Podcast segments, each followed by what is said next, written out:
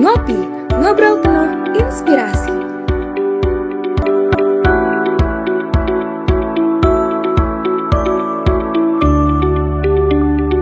Halo, selamat malam Sobat Ngulik. Gimana nih malam minggunya? Lagi bosan banget gak sih di rumah? Atau lagi pada nugas? Karena besok udah hari minggu dan bentar lagi hari Senin nih. Tapi jangan lupa juga buat balik lagi ke sini buat terus tonton dan dengerin Ngopi Podcast. Ngobrol penuh inspirasi bersama aku Eki. Dan aku Dea. Di episode kali ini kita bakal kedatangan siapa sih Dea? Oke Kak Eki, nah jadi di episode kali ini kita bakalan kedatangan narasumber yang keren banget nih. Beliau merupakan seorang mahasiswa IPB yang aktif di organisasi dan juga aktif nih di dunia bisnis. Wah keren banget ya Kak Eki uh, karena selain aktif di organisasi, gue juga bisa nih mendirikan bisnis, yaitu bisnis mentor kampus. Nah mungkin sekarang Sobat Ngulik udah nggak sabar nih pengen dengerin sharing bareng narasumber kita kali ini, yaitu Bang Daki. Oke, langsung aja kita sapa nih narasumber keren kita kali ini, yaitu Bang Daki. Halo Bang Daki. Halo teman-teman. Gimana nih Bang kabarnya? Alhamdulillah baik-baik. Alhamdulillah baik. Uh, Oke okay, Bang Darkit, mungkin untuk membuka obrolan kita kali ini, Bang Darkit boleh nih sedikit cerita tentang educational background, tentang karir Bang Darkit saat ini sebagai pebisnis, dan mungkin aktivitas yang saat ini Bang Darkit sedang laksanakan. Oke, okay. jadi uh, kenalin teman-teman sobat ngulik ya, dipanggilnya ya? Iya, Bang. Ngulik, uh, kenalin teman-teman aku dari Aula Kital gitu biasanya teman-teman di kampus tuh manggilnya Darkit gitu. Jadi aku jurusan manajemen angkatan 54 itu uh, terus saat ini aku udah tingkat 4 gitu. Tingkat akhir semester 8 gitu. Di mana kesibukannya saat ini tuh itu pasti ngerjain skripsi gitu. Dan insya Allah juga di tanggal 7 Juni itu mau seminar hasil itu terus ditargetkan aku menargetkan di uh, akhir Juni itu sidang gitu. Supaya cepat-cepat selesai skripsinya. Karena aku uh, ikut program fast track dari manajemen itu jadi S1 sekaligus juga langsung uh, belajar S2 itu makanya ditargetkan untuk selesai cepat S1-nya terus uh, di tingkat akhir ini juga aku memutuskan untuk coba vakum organisasi. Vakum organisasi tapi aku lebih pengen coba mempersiapkan fase kampus itu makanya di tingkat akhir ini aku bareng-bareng sama uh, tiga orang temanku di manajemen juga itu ngebuat bisnis uh, konveksi itu yang tujuannya itu adalah untuk mengakomodir kebutuhan organisasi mahasiswa. Itu namanya vendor kampus itu. Nah kalau misalkan uh, terkait track record di kampus tadi udah disebutin juga banyak organisasi yang dan panitian diikutin gitu. Salah satunya uh, ikut bem dari tingkat satu sampai tingkat tiga gitu. Ikut bem terus. Terus kepanitiaan juga uh, sempat ikut MBKMB juga di MBKMB 55 sama 56 mungkin itu aja Oke nih Bang, eh, di antara kesibukannya kan ada bisnis juga nih ya Bang. Gimana sih tanggapan Bang Darkit tentang mahasiswa yang berbisnis di saat kuliah? Oke, mahasiswa yang berbisnis di saat kuliah, menurut aku pribadi, eh, aku coba narik secara general dulu. Kalau misalkan bisnis itu, menurut aku adalah suatu aktivitas yang susah gitu. Profesi yang susah banget gitu untuk coba dilakuin gitu. Karena di bisnis itu kalau misalnya bilang kalau aku bisa bilang tuh high risk gitu. High risk banget di bisnis itu itu di mana uh, segala peluangnya terus tantangannya segala macam tuh besar gitu. Nah makanya mahasiswa yang mau uh, istilahnya berbisnis gitu di kala kuliah gitu ketika mereka jadi mahasiswa itu menurutku keren banget. Itu keren banget karena uh, manage waktu antara kuliah kegiatan di kampus dan juga bisnis itu kalau misalnya berjalan semua dengan baik itu keren banget itu jadi uh, menurut aku mahasiswa yang berbisnis itu ada langkah yang baik tuh. Kalau misalkan emang mereka mau memutuskan untuk jadi pengusaha gitu. Karena uh, mungkin ketika mereka terjun dunia bisnis di masa yang mahasiswa gitu masa kuliah itu mungkin belum berhasil. Misalnya bisa dibilang mungkin belum berhasil ketika mereka ngejalan bisnis tapi setidaknya mereka udah mulai lebih dulu dapat pengalaman segala macam sehingga mereka bisa lebih batang di kemudian-kemudian hari gitu dibandingkan uh, mulai bisnis ketika udah berumur-umur yang udah cukup tua gitu dan udah punya tanggungan banyak gitu. Jadi menurut aku uh, bisnis kalau misalnya mau jadi pengusaha nggak apa-apa bisnis habisin jatah gagal di masa muda lebih cepat gitu supaya di kemudian hari itu lebih istilahnya udah lebih bisa matang gitu. menurut aku keren banget mahasiswa yang bisa bisnis itu. Oke, Bang Darkit. Tadi kan Bang Darkit sudah menyampaikan ya bahwa uh, ketika kita berbisnis saat kita masih menjadi mahasiswa itu resikonya cukup tinggi ya, Bang. Dan tadi sudah menyinggung sedikit nih bahwa berbisnis saat kita masih menjadi mahasiswa banyak sekali tantangan. Nah, menurut Bang Darkit, apa saja sih Bang tantangan dalam membangun bisnis saat kita masih kuliah? Oke. uh, jadi tantangan dalam bisnis itu ketika kita lagi kuliah yang pertama itu kita ada tanggungan dari orang tua yang pasti di itu kita uh, dikuliahkan sama orang tua kita pasti untuk dapat nilai yang bagus gitu. Itu juga semacam challenge tuh tantangan gimana kita bisa dapetin nilai yang bagus tapi kita juga uh, istilahnya menggeluti dunia bisnis gitu. Bisnisnya tetap jalan. Itu yang kedua uh, pasti tantangannya itu di uh, waktu dan modal kita gitu.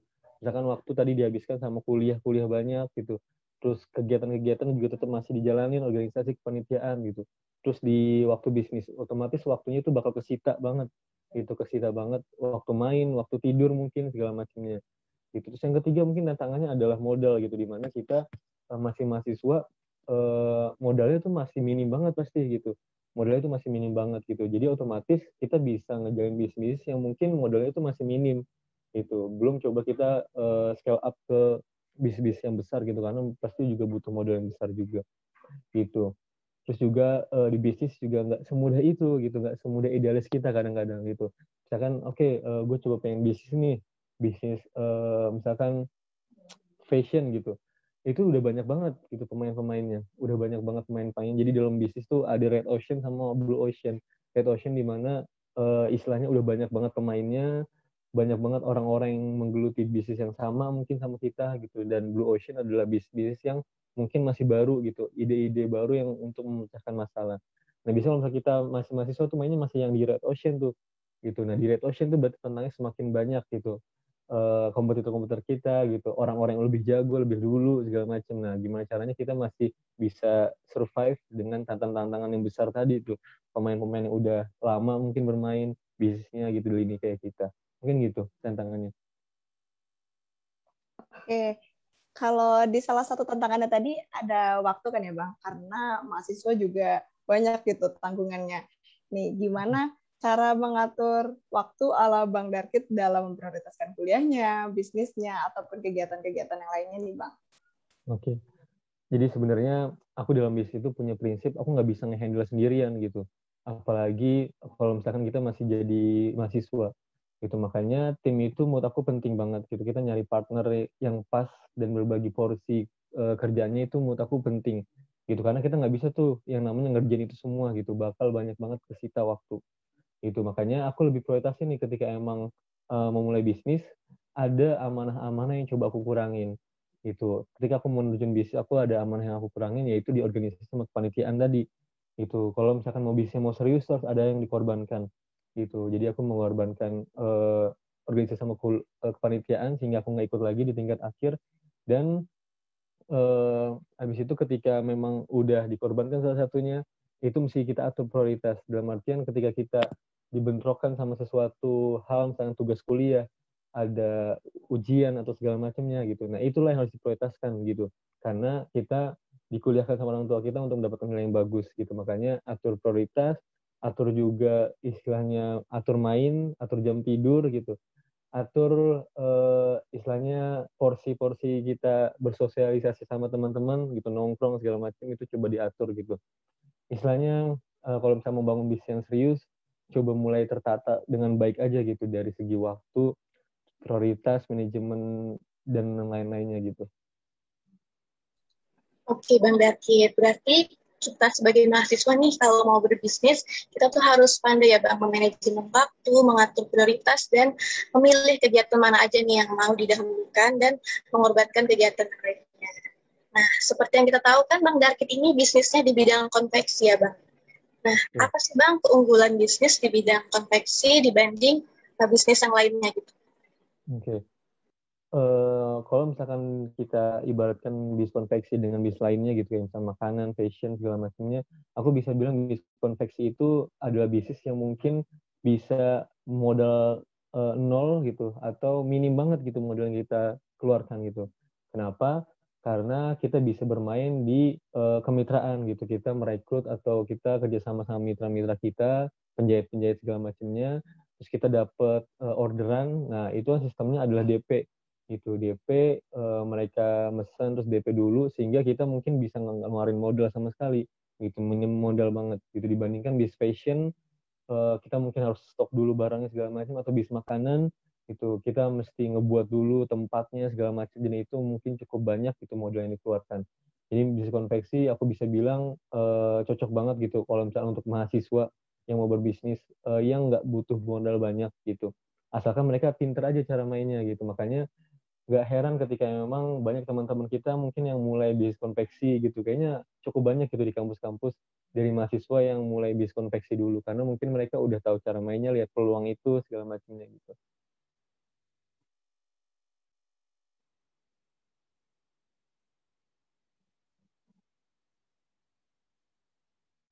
Ini Bang, uh, kira-kira kenapa sih uh, Bang Derkit milih untuk berbisnis konveksi gitu? Dari apa memilih dari keunggulan yang dipunyai sama Bang Derkit tadi?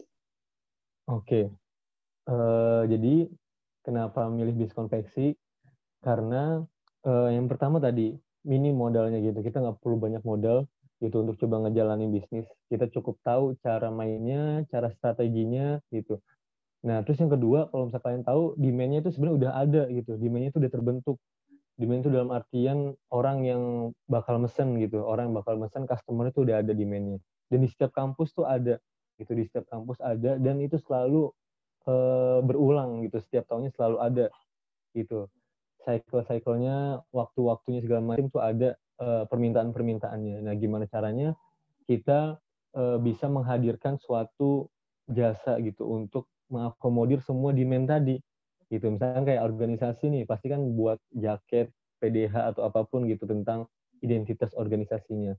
Dan itu pasti setiap kampus ada dan setiap tahun pun ada gitu. Jadi demandnya udah terbentuk. Beda ketika memang kita bermain di uh, bis makanan. Bis makanan kan juga udah banyak banget pilihannya gitu. Orang-orang juga bebas tuh mau makan apa aja segala macam gitu. Jadi demandnya tuh masih mungkin aku bilang tuh masih sangat abstrak gitu demandnya tapi kalau misalnya konveksi demandnya udah terbentuk, gimana caranya kita bisa menghadirkan service yang bagus aja gitu kepada customer supaya mereka tetap repeat order terus gitu setiap tahunnya. Gitu sih, karena ngelihat demand dan peluangnya sih. Oke Bang Darkir, karena mungkin bisnis konveksi ini demandnya udah banyak ya Bang. Dan kegiatan di kampus itu banyak banget yang membutuhkan baju lapang untuk uh, uh, bisnis konveksi ini, untuk membuat baju lapang. Nah, tapi kan dibalik itu semua, seperti yang kita tahu, bisnis konveksi ini udah banyak bang pemainnya. Seperti yang dari bilang tadi, termasuk bisnis Blue Ocean ya bang. Ya, nah, uh, bagaimana sih bang bisnis konveksi bang Darkit ini memenangkan pasar pasar tersebut di antara banyaknya bisnis konveksi yang ada di sekitar kampus IPB? Oke. Okay. Uh, eh, jadi sebenarnya gimana caranya supaya kita stand out gitu bisnis kita dibandingkan kompetitor yang lain? Itu pertama kita harus make sure dulu nih uh, kepada customer kita kira-kira mereka tuh nyari konveksi itu yang seperti apa gitu. Nah kita masih validasi dulu ke customer gitu, validasi ke PJ-PJ apparel, bismith segala macamnya biasanya. Mereka tuh memilih uh, konveksi itu ngelihat apa-apanya aja sih, istilahnya adalah riset dulu, riset marketnya, kebutuhannya segala macam. Oke, kita dapat nih uh, riset marketnya gitu, kita dapat kebutuhan dari customernya, Nah, habis itu coba kita buat akomodir gitu kebutuhannya mereka jadi penawaran kita. Itu penawaran kita coba kita buat sesuai sama uh, requestnya mereka atau kebutuhannya mereka. Nah, habis itu barulah kita uh, istilahnya dalam bisnis itu ada dua yang bisa stand out gitu di produk sama marketing. Nah, produknya adalah gimana caranya kita menghadirkan service yang terbaik kalau misalnya konveksi kan service gitu. Service yang terbaik pada customer. Nah, kalau misalkan produk juga berarti berhubungan sama mitra-mitra, gimana caranya kita ngekontrol kualitasnya tetap bagus gitu. Nah, kalau misalnya produknya itu udah bagus, kita yakin gitu, udah bagus, service kita yang tawarin udah tepat sasaran kepada market segala macamnya. Habis itu di marketing, gimana caranya value-value atau penawaran kita itu sampai kepada customer gitu. Jadi marketing tuh bukan cuma kita memberikan aware gitu, awareness kepada uh, customer, tapi gimana caranya mendeliver value dari produk-produk yang kita miliki itu ke customer semua dan mereka paham gitu value-value dari bisnis kita. Penawaran penawarannya segala macam. Nah kalau misalkan dua itu udah bagus gitu, nah insya Allah kita bakal bisa stand out ke uh, kompetitor-kompetitor kita yang lain. Dan juga jangan lupa, kalau aku cenderungnya sih di final kampus ini nggak menargetkan pasar IPB gitu karena aku udah tahu sendiri riset kompetitornya udah banyak banget gitu pemain-pemain yang makanya aku menargetkan di luar IPB gitu. Jadi di Universitas Lampung Samarinda terus ITS segala macamnya itu alhamdulillah udah coba kita jangkau ke sana. Gitu karena uh, kita udah istilahnya tahu cara mainnya seperti apa gitu supaya bisa reach out ke kampus-kampus Indonesia. Mungkin seperti itu. Eh, ngomong-ngomong, karena 2021 masih pandemi kan ya, Bang. Nih gimana caranya Bang Darkit dan tim eh, Defender Kampus agar bisa terus survive dalam menjalani bisnis konveksi yang dijalani ini? Oke. Okay. Uh, eh, jujur di apa di pandemi itu menurut aku cukup challenging juga gitu dalam artian uh, kita jadi nggak bisa ketemu customer secara offline gitu online semuanya serba online tapi di harus kita pastikan uh, di partner kita di tim kita dulu gitu jujur jujur aku kendala banget ketika memang uh, berkomunikasi dengan tim gitu itu secara online gitu lewat zoom itu segala macam susah banget itu untuk kita bahas strategi segala macam itu susah makanya waktu itu sempat ada inkubasi program inkubasi dari uh, eh, AM Inkubator yang kolaborasi sama departemen manajemen alhamdulillah aku timnya aku ikut dan alhamdulillah juga juara satu tuh di sana dan di situ uh, enak banget kita dikasih co-working space segala macamnya gitu. Nah, uh, dapat investor juga dari sana. Setelah program itu selesai, kita ngajuin tempat gitu di Sentul. Alhamdulillah dapat kantor di sana sehingga kita bisa coba uh, rancang strategi segala macam brainstorm secara offline. Itu eh secara offline bener ya, secara offline. Nah, terus kalau misalkan uh, ke customer secara online gitu, gimana caranya supaya tetap bisa ada demand gitu, ada pesanan atau proyekan yang masuk itu dari marketingnya. Gimana caranya uh, Venue Campus ini walaupun online itu bisa reach out ke banyak kampus gitu secara online. Itu makanya uh, kita gunain relasi-relasi kita supaya uh, bisa masuk lewat sana dan kalau misalnya ada kesepakatan segala macamnya bisa lewat uh, room, zoom segala macamnya. Itu. Nah, alhamdulillahnya tuh di bis konveksi walaupun uh, mungkin kepanitiaan itu banyak yang online gitu ya dan nggak membutuhkan apparel tapi aku bisa pastikan mereka tuh tetap mau buat jaket identitasnya mereka gitu. Jadi tetap ada demand yang terbentuk tapi mungkin nggak sebanyak pas offline itu demandnya tetap ada cuman mungkin nggak sebanyak pas offline tadi gitu. Jadi sehingga kita masih tetap bisa bertahan itu mungkin beda sama bisnis-bisnis yang udah hampir tutup banyak tuh. Kalau nggak salah tuh Giant katanya mau tutup di semua gerai itu mungkin itu dia terdampak banget tuh sama covid gitu. Karena mungkin daya beli dari customernya konsumennya itu menurun banget itu tapi kalau misalnya di konveksi alhamdulillah demandnya tetap ada. Tapi gimana caranya kita bisa mendapatkan reach ke demand yang tadi aja sih itu challenge-nya. Oke, menarik banget ya cerita pengalaman dari Bang Darkit dan juga ilmu yang udah di-sharing oleh Bang Darkit. Mulai dari bagaimana sih cara membangun bisnis ketika masih mahasiswa, bagaimana cara memanajemen waktu, mengelola tim saat berbisnis ketika masih menjadi mahasiswa dan bagaimana bisa bertahan menjalani bisnis meskipun dalam kondisi seperti saat ini ya Bang, kondisi pandemi. Mungkin sekarang Bang Darkit bisa nih memberikan closing statement untuk uh, sobat ngulik ataupun seluruh mahasiswa nih terutama yang tertarik di dunia bisnis. Silahkan Bang Darkit. Hmm. Oke, jadi uh, ini istilahnya masukan aja buat teman-teman yang mau berbisnis ketika kita mau memutuskan untuk berbisnis, make sure kalian tuh udah punya ilmunya. Gitu. Jadi otomatis nih kalau misalnya mau berbisnis, usahain tuh baca banyak baca buku dulu tuh, banyak baca buku terkait bisnis segala macamnya. Gitu sehingga kita terjun di dunia bisnis tuh nggak nol banget gitu. Karena aku percaya kalau misalkan bisnis itu learning by doing itu cukup riskan banget, high risk banget gitu. Lebih baik kita udah dapat ilmunya, terus baru kita eksekusi gitu. Nah sebelum dapat ilmunya itu kan banyak gitu cara-caranya gitu kita belajar dari buku bisa, dari orang-orang yang udah pengalaman terjun di sana bisa. Pokoknya banyak media-media ketika emang kita mau uh, istilahnya memutuskan untuk belajar dan terjun di dunia bisnis gitu. Karena menurut aku learning by doing dalam bisnis itu sangat riskan banget. Mungkin ada yang bisa, ada yang berhasil gitu. Cuman bagiku uh, ketika emang kita untuk mau serius bisnis gitu, coba jadi lebih ahli dulu gitu, jadi uh, jadi punya ilmu dulu di bisnisnya itu baru kita terjun. Gitu karena kalau misalkan nggak seperti itu mungkin ya nggak bertahan lama gitu. Kita bisa survive-nya bisa jalannya. Mungkin satu tahun itu udah alhamdulillah gitu bersyukur. Tapi kalau misalnya kita udah cukup banyak ilmunya kita udah tahu cara eksekusinya segala macam insya Allah itu bisa sustainable gitu. Jadi make sure kita belajar banyak dulu gitu selagi kita masih punya banyak waktu gitu barulah kita eksekusi bisnisnya. Seperti itu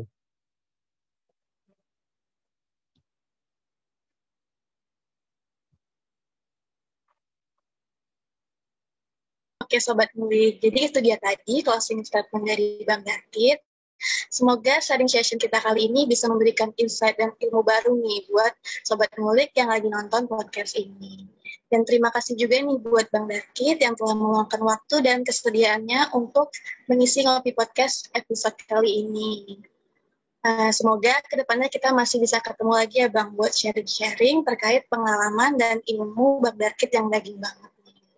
Oke Sobat Ngulik, jangan lupa buat terus tonton Ngopi Podcast di channel YouTube Himpunan Profesi Center of Management, like, comment, dan subscribe, dan dengerin juga ya di Spotify Future Spark. Nantikan terus episode berikutnya. Wah, nggak kerasa nih Sobat Ngulik, kita udah mau selesai uh, pada episode kali ini. Aku Dea dan rekan aku Eki pamit undur diri. Sampai jumpa di episode selanjutnya. See you kasih untuk Sobat Ngulik yang udah ngedengerin Ngopi Podcast kali ini. Dan jangan lupa untuk tetap stay tune di Ngobrol Penuh Inspirasi selanjutnya. Bye-bye!